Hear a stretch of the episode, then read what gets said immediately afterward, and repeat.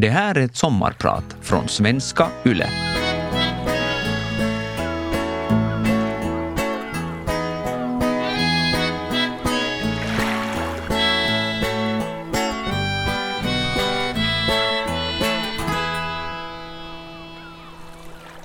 Varför är du så glad och positiv hela tiden? Det är en fråga som jag ofta får i intervjuer. Nästan så det förväntas av oss finländare att livet ska vara en enda lång, plågsam och utdragen kamp. Ska det verkligen vara ett undantag att vara glad? Faktum är att jag tycker livet blir så mycket bättre om jag väljer att se det positiva. Det är inte alltid lätt och ibland kanske jag lyckas mindre bra. Men oftast så hittar jag något att vara glad och tacksam för. Med det sagt vill jag poängtera att mitt liv verkligen inte har varit någon dans på rosor. Jag har gjort bort mig så många gånger, sagt galna saker i TV, ställt till med mediaskandaler, sett pinsam ut på bild, jag har hoppat av mina studier, jag har skilt mig, gjort folk besvikna.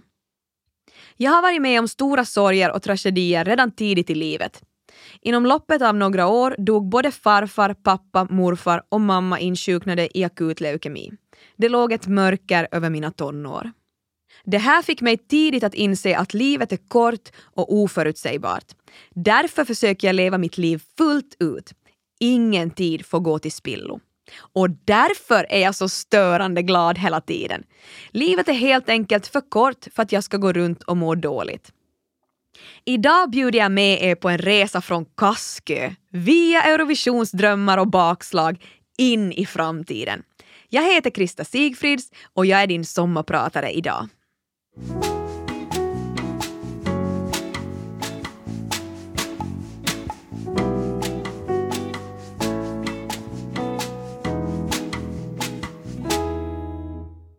har alltid varit en människa med stora drömmar, även om jag är född och uppvuxen i Finlands minsta stad. Det var aldrig någon tvekan om saken. Redan i dagis stod det klart för mig att jag ville showa. Dansa, sjunga, spela teater. Att bli artist var min stora dröm. Att få underhålla var större än livet självt. Mitt största fan var min farfar Alvar. Oavsett vad jag sjöng, dansade eller ritade så sa han alltid att det var fantastiskt. Jag förstod förstås att allt inte var så fantastiskt, men han gjorde underverk för mitt självförtroende. Han gav mig uppmuntran och var alltid så otroligt positiv. Han satt alltid i sin fåtölj, lugnt tillbakalutad och njöt av mina uppträdanden. Som den gamla gymnast han var så hjälpte han mig också med handstående och visade hur man skulle spänna vristerna. Upp med hakan! Ta ett djupt andetag. Bra hållning, sa han mellan varven. Mitt pianospelande var verkligen under all kritik, men han peppade och sa “ja, nu låter det fint”. Utbudet av att utöva show, dans och sång i Kaskö var ju inte jättestort i början av 90-talet. Så det är antagligen orsaken till att jag har blivit driven och påhittig. Kreativiteten föddes här. Allt var möjligt i Kaskö. Man var bara tvungen att hitta på det själv. Jag tog alla mina chanser att få uppträda. Det var mimande framför spegeln, uppträdande för gäster hemma, roliga timmen i skolan för att senare börja delta i sångtävlingar och spexa i Kaskerevyn. Som femåring uppträdde jag och min dagisgrupp på en våravslutning i kyrkan. Vi sjöng och dansade till någon religiös sång, iklädda våra finaste vårklänningar. Björkarna grönskade utanför och där stod vi med våra lackskor och rosetter i håret. Efteråt fick jag beröm av en dagistant. Hon kom fram och sa att jag hade gjort så bra ifrån mig i dansen och sjungit så starkt. Och det här minns jag ännu idag. Jag känner mig så stolt. Att jag så tydligt minns både henne och många av min farfars uppmuntrande ord visar hur viktigt det är att man faktiskt får höra och känna att man är duktig på någonting i tidig ålder. Vi ordnade egna gymnastikfester på min kompis Johannas gård. Vi gjorde egna koreografier och övade flitigt. Inträde kostade en mark och vi fick ihop en ganska stor publik och för pengarna vi tjänade köpte vi en massa godis. Jag kan aldrig minnas att jag någonsin har varit så nervös eller pirrig att jag inte skulle ha vågat gå ut på scenen. Tvärtom har jag alltid ivrigt längtat ut på scenen. Oavsett om jag har varit fem eller 35, oavsett om jag har tävlat eller uppträtt, jag stortrivs på scenen. Jag minns när jag deltog i min första sångtävling i Kaskö. Jag var nio år gammal och jag skulle sjunga Let's Twist Again och övade hemma framför pappa i vardagsrummet. Jag körde lite sidosteg och sjöng så fint jag kunde. Och jag kommer så bra ihåg när pappa sa “Bra Krista, men nu när du sjunger Let's Twist Again så måste du ju twista när du uppträder”. Jag hade ju ingen aning om hur man twistade, men pappa visade mig och när det var dags för att delta i sångtävlingen på Kaskö ungdomsgård twistade jag mig vilt genom hela mitt uppträdande och vann tävlingen. För några år sedan hittade mamma mitt uppsatshäfte från när jag var 12 år gammal hemma i Kaskö. Med prydlig handstil har jag målmedvetet skrivit att jag en vacker dag kommer att representera Finland i Eurovision Song Contest. Också i en liten stad kan stora drömmar bli sanna.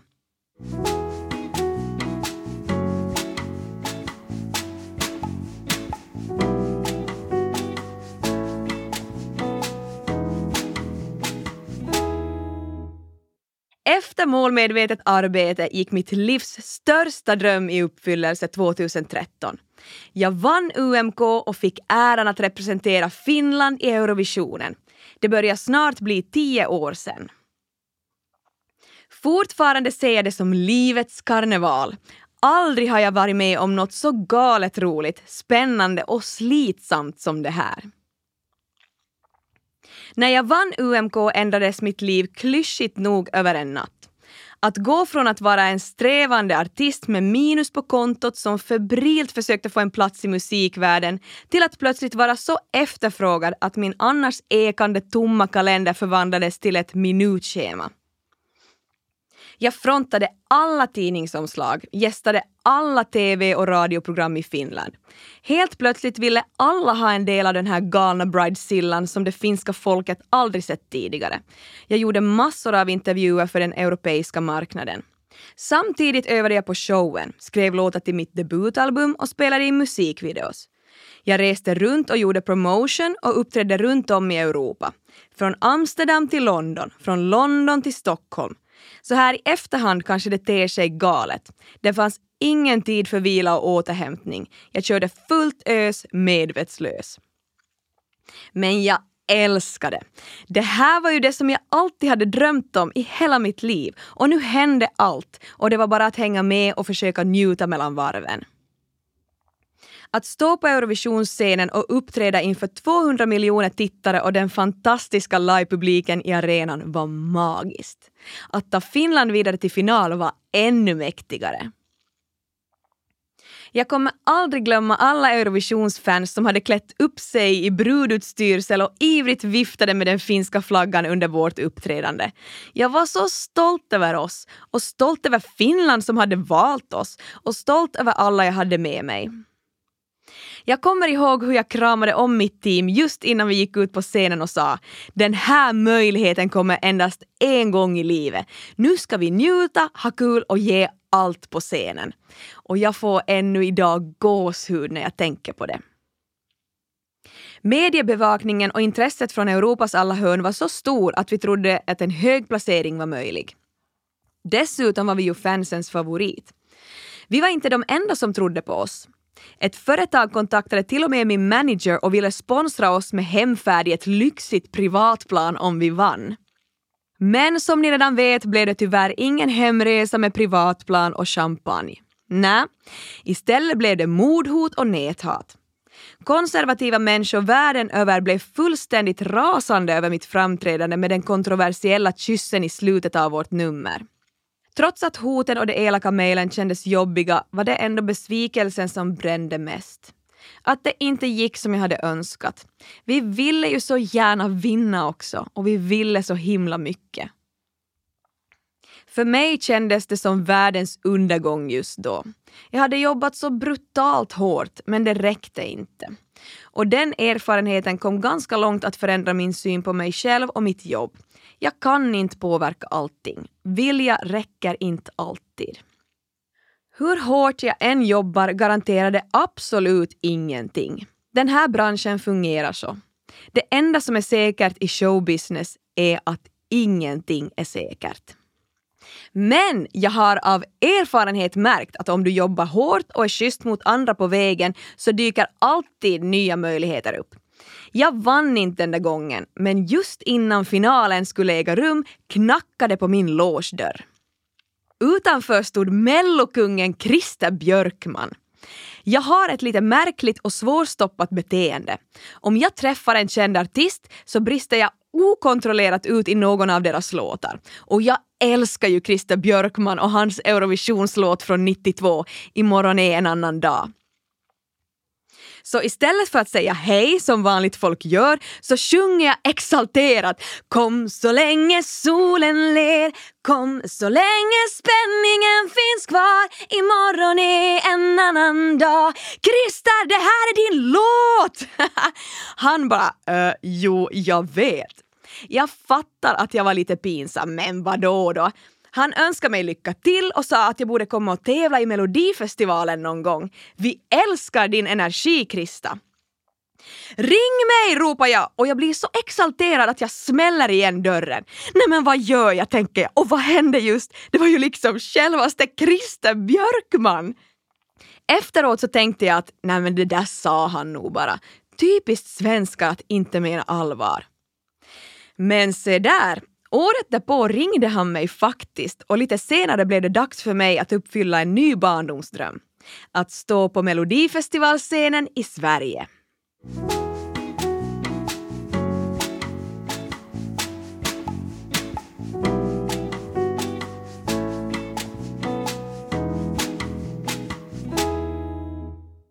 Att jag är en glad och positiv person tenderar att irritera ihjäl en viss typ av människor.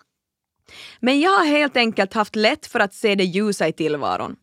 Jag antar att det kommer från min uppfostran att se glaset som halvfullt istället för halvtomt. Under min uppväxt svajade rejält under några år. Många viktiga människor runt omkring mig dog under en väldigt kort tid. Det här fick mig att inse att livet är kort och oförutsägbart. Därför försöker jag leva mitt liv fullt ut. Ingen tid får gå till spillo. Det absolut värsta jag har varit med om är när min pappa, bara 51 år gammal, dog i en plötslig hjärtinfarkt när jag var 15 år. Det här var en stor chock och sorg för hela familjen och min inställning till livet förändrades enormt i och med den här tragedin. Jag har pratat mycket om min pappa i andra intervjuer. I det här sommarpratet vill jag prata mer om min mamma Lisbeth. Två år efter att pappa dog insjuknade mamma i akut leukemi. Jag hade hunnit fylla 17 när hon togs in på sjukhus. Vår vardag förändrades drastiskt ännu en gång. Det här hände under mitt sista år i gymnasiet, mitt under studentskrivningarna, när jag fortfarande bodde hemma tillsammans med min lillebror. Mina två äldre syskon hade redan flyttat hemifrån och studerade i Vasa, så vår kära mommo Vera flyttade från Vörå hem till oss i Kaskö för att ta hand om mig och min lillebror medan mamma var inlagd på sjukhuset. Mommo Vera var redan viktig för oss, men kom att bli ännu viktigare under den här tiden.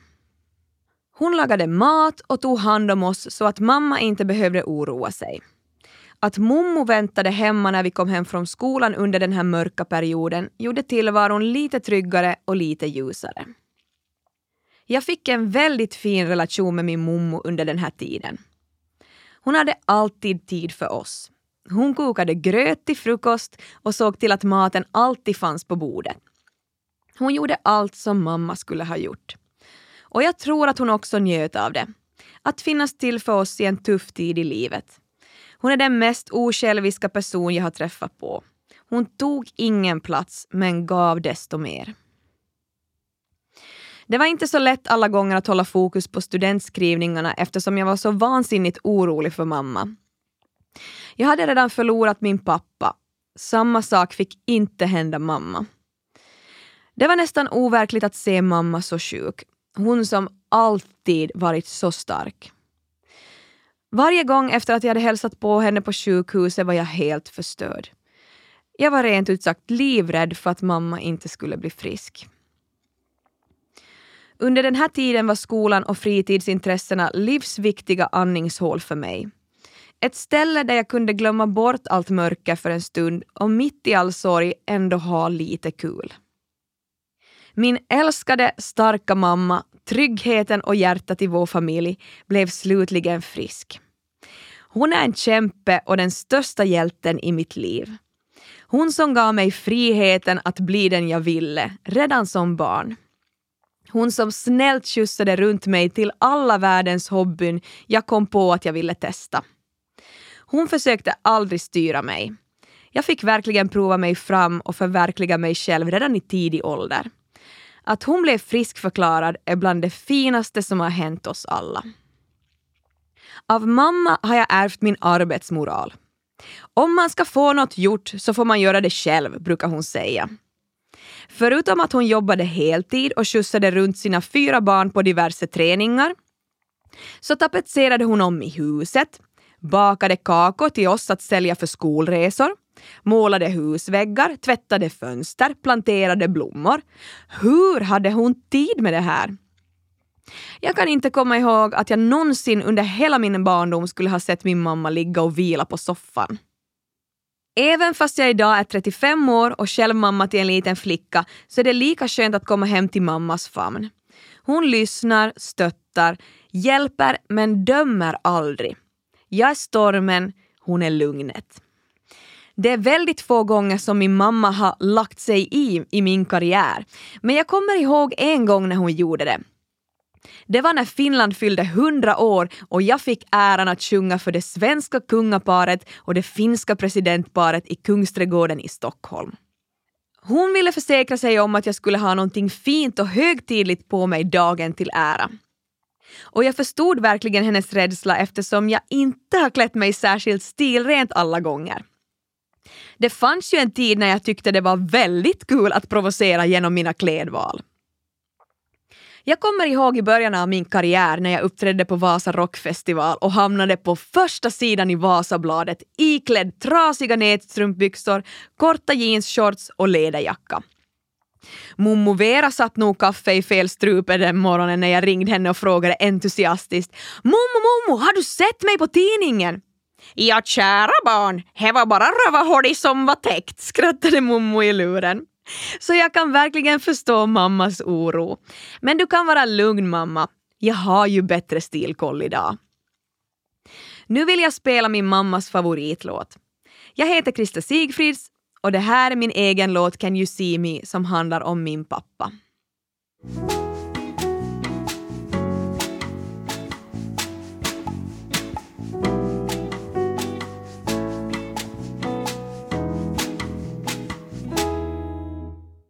Under min Eurovisionskarusell uppträdde jag på Amsterdam Pride. Det var en enorm konsert inför tusentals människor. Den lokala DJn som skulle sätta på bakgrundsmusiken åt mig och mina dansare var hög som ett hus av allt gräs han hade rökt och plötsligt mitt under spelningen fick han för sig att börja göra sin egen remix av min låt Amen. Jag och mina dansare får panik och försöker febrilt hänga med i hans nya remix av min låt. Jag får ögonkontakt med honom och försöker signalera “Vad håller du på med?” Men han fattar verkligen inte vinken utan nickar glatt, dansar med och visar tummen upp. Den spelningen gick ju verkligen inte som jag hade tänkt mig. Inte mycket annat heller.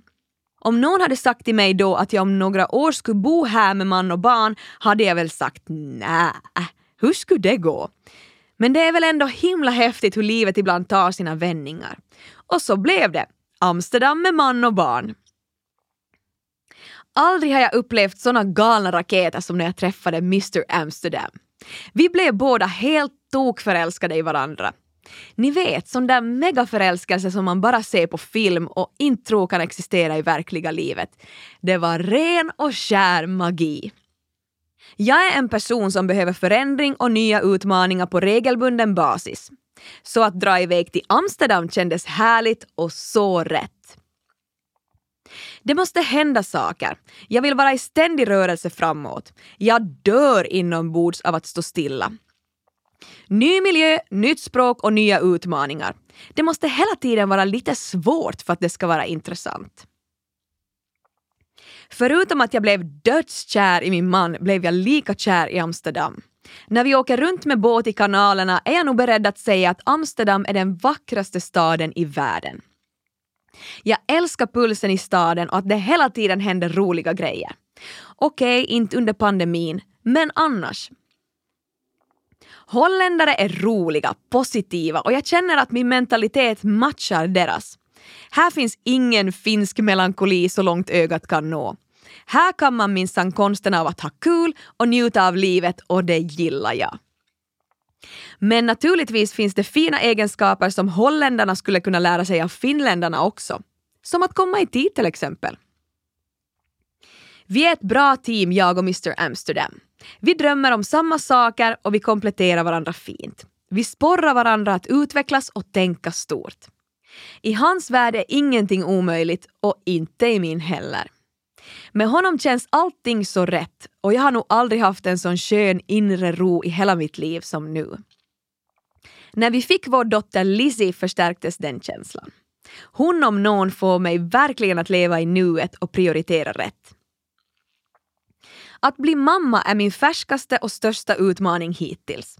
Jag är alldeles överväldigad över den enorma kärlek hon kom med. Det bästa som finns är när hon ler sitt underbara leende mot mig på morgonen när hon vaknar. När jag ser på henne kan jag verkligen glömma bort alla världens bekymmer för en stund. Jag känner att jag får det bästa av två världar just nu.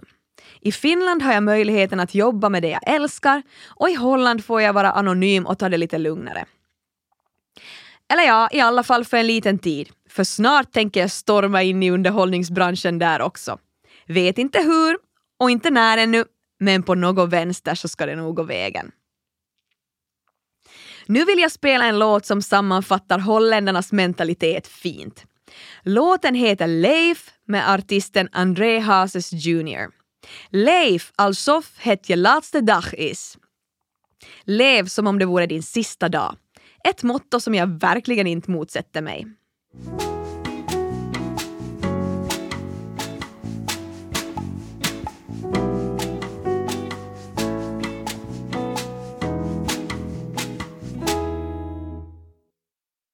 Förutom frågan om varför jag är så glad hela tiden brukar journalister också fråga om jag ångrar någonting här i livet. Det gäller både stort och smått. Många har till exempel undrat om jag ångrade kyssen i Eurovisionen eftersom en del trodde att jag hade fått en bättre placering i finalen utan den. I slutet av mitt nummer gav jag, som ni kanske minns, en passionerad kyss till en av mina bakgrundssångare Reta. Kyssen blev ett av de stora samtalsämnena i Europa det året. Rykten gick att en del TV-bolag skulle bojkotta både mitt nummer och hela showen eftersom två kyssande kvinnor ansågs vara olämpligt. Svaret är nej. Jag ville visa världen att kärlek är någonting som är till för alla och jag hade chansen att föra fram ett viktigt budskap inför 200 miljoner tittare. Kyssen som vanligtvis skulle ha censurerats i konservativa länder kom nu in i alla hushålls-tv-apparater och visade sig ha en större effekt än jag kunnat tro. Ja, jag fick hot och skäll, men den support och kärlek som jag fick från fans världen över var ändå alldeles överväldigande. Den kyssen kom att betyda mer än vad jag någonsin kunde ana då. Sedan den dagen har jag varit en favorit bland Eurovisionsfansen och ännu idag uppträder jag på evenemang runt om i Europa. Jag kan inte tänka mig en härligare publik. Jag är för evigt tacksam över den. Överlag så är jag inte den som går runt och ångrar saker. Det är klart att allting inte har gått som jag hade önskat alla gånger. Och det är klart att det har känts förfärligt ibland. Ganska ofta faktiskt. Om jag vill så skulle jag säkert kunna få till en ganska självdestruktiv och deprimerande syn på mitt liv. Men jag har aktivt valt att försöka lära mig från mina erfarenheter. Vi kommer ingenstans med tron på att livet är perfekt. Livet är kantigt, upp och ner och rent ut sagt vidrigt mellan varven. Men fortfarande nej. Jag ångrar inte och jag ältar sällan. Jag har alltid varit väldigt nyfiken som person och jag kastar mig gärna in i nya projekt om magkänslan och hjärtat säger att det är rätt. Jag är inte rädd för att misslyckas. Det kan man nästan inte vara i den här branschen. Då kommer man aldrig framåt. Nyfikenheten och drivet måste alltid vinna över rädslan. Annars förblir drömmar bara drömmar. Dessutom har jag ju av erfarenhet märkt att varje projekt leder mig fram till nya spännande äventyr. Jag kanske låter som en klyschig självhjälpsbok, men man måste faktiskt inte alltid vinna för att komma framåt. Det måste inte bli perfekt för att det ska räknas. Det trodde jag alltid när jag var yngre. Jag har först senare förstått att det är vägen till målet som räknas. Jag kommer till exempel ihåg att jag seriöst trodde att min karriär var över redan innan den ens hade börjat när jag åkte ut ur en stor tv-sänd sångtävling i Finland. Det jag då såg som undergången var i själva verket starten på någonting nytt. Men det känns ju sällan så när man står där med hjärtat fullt av sorg och famnen full av besvikelse. Att jag föll ut ur tävlingen gav mig en öppning till Erik Nyholms studio där vi tillsammans började skriva låtar. Tack Erik för att du trodde på mig och ville jobba med mig. Tillsammans med Kristoffer Karlsson och Jessica Lundström skrev vi bland annat Marry Me som jag senare skickade in till UMK. Andra dörrar öppnas, färden byter riktning och nya drömmar föds.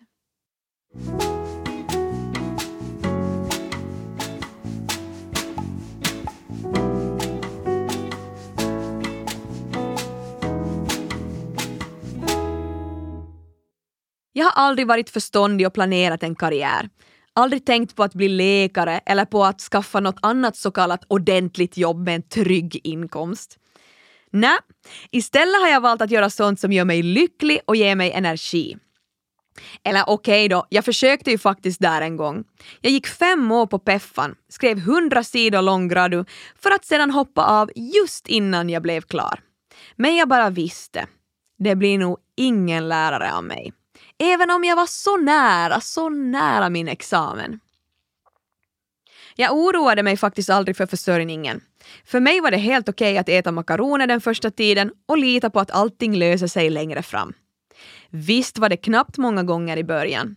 Folk brukade skratta åt mig att jag kom till UMK-repetitionerna med Marry Me-brudklänningen i en svart sopsäck eftersom jag inte hade råd med en riktig klädpåse. När jag fick chansen att delta i UMK tömde jag hela mitt personliga sparkonto som jag knaggligt byggt upp med coverspelningar. Med pengarna anställde jag 11 dansare. Jag såg chansen att göra ett stort shownummer som ingen annan gjort och jag satsade allt. Efteråt blev ju situationen en annan när jag fick skivkontrakt och en massa spelningar och jobb. Men i början var det makaroner och spelningar i små hålor som gjorde allt möjligt. Några år senare ringde jag faktiskt Peffan på skoj för att fråga om en musikkurs jag aldrig fått klar. Kanske jag kan få den här kursen till godo. Jag har ju trots allt representerat Finland i Eurovision Song Contest. Dessvärre fick jag inte riktigt Peffan på fall den gången. Nej, tyvärr, Krista Sigfrids. Det funkar inte riktigt så. Ah, men lika bra det. Jag ångrar inte det heller. Det var nog meningen så här. För just nu lever jag ju faktiskt min barndomsdröm.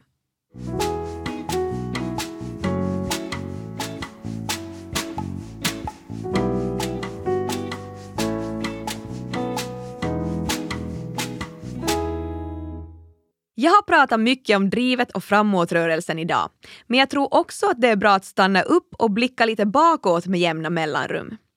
Det var mycket som inte gick som planerat och projekt som aldrig blev av. Och här kan man ju långt välja vad man fokuserar på. Vill man se det goda eller vill man fastna i skiten? Jag vann ju inte Eurovisionen, inte heller The Voice of Finland eller Mello. Men tänk så många drömmar och milstolpar som blev sanna och så många äventyr jag faktiskt fick uppleva. Allt det där som jag drömde om som barn, representera Finland i Eurovisionen, skivkontrakt med stort skivbolag, släppa egen musik, göra musikvideon. Jag drömde om att få åka på turné, få uppträda med band och dansare, göra stora shower, programleda på TV och stå på melloscenen i Sverige. Tänk om Let's Twist Again Krista hade vetat det här när hon uppträdde på ungdomsgården i Kaskö 91. Och tänk på alla nya småflickor i Kaskö som idag står och sjunger i sina hårborstar framför spegeln. Tänk om de bara visste vart det en dag ska komma och allt roligt det har framför sig. De gånger som jag har känt mig misslyckad och eländig har jag hört min mommo Veras röst inom mig. Både hon och mamma vet att det inte hjälper att stänga in sig hemma och tycka synd om sig själv. Som mommo skulle ha sagt. Nej, slut i pjolder! jag heter Krista Sigfrids och jag har varit din sommarpratare idag. Jag hoppas att du, precis som jag, har fullt upp med att skapa nya drömmar trots att tiderna just nu är som de är. Låt det här bli sommaren när ingen tid går till spillo.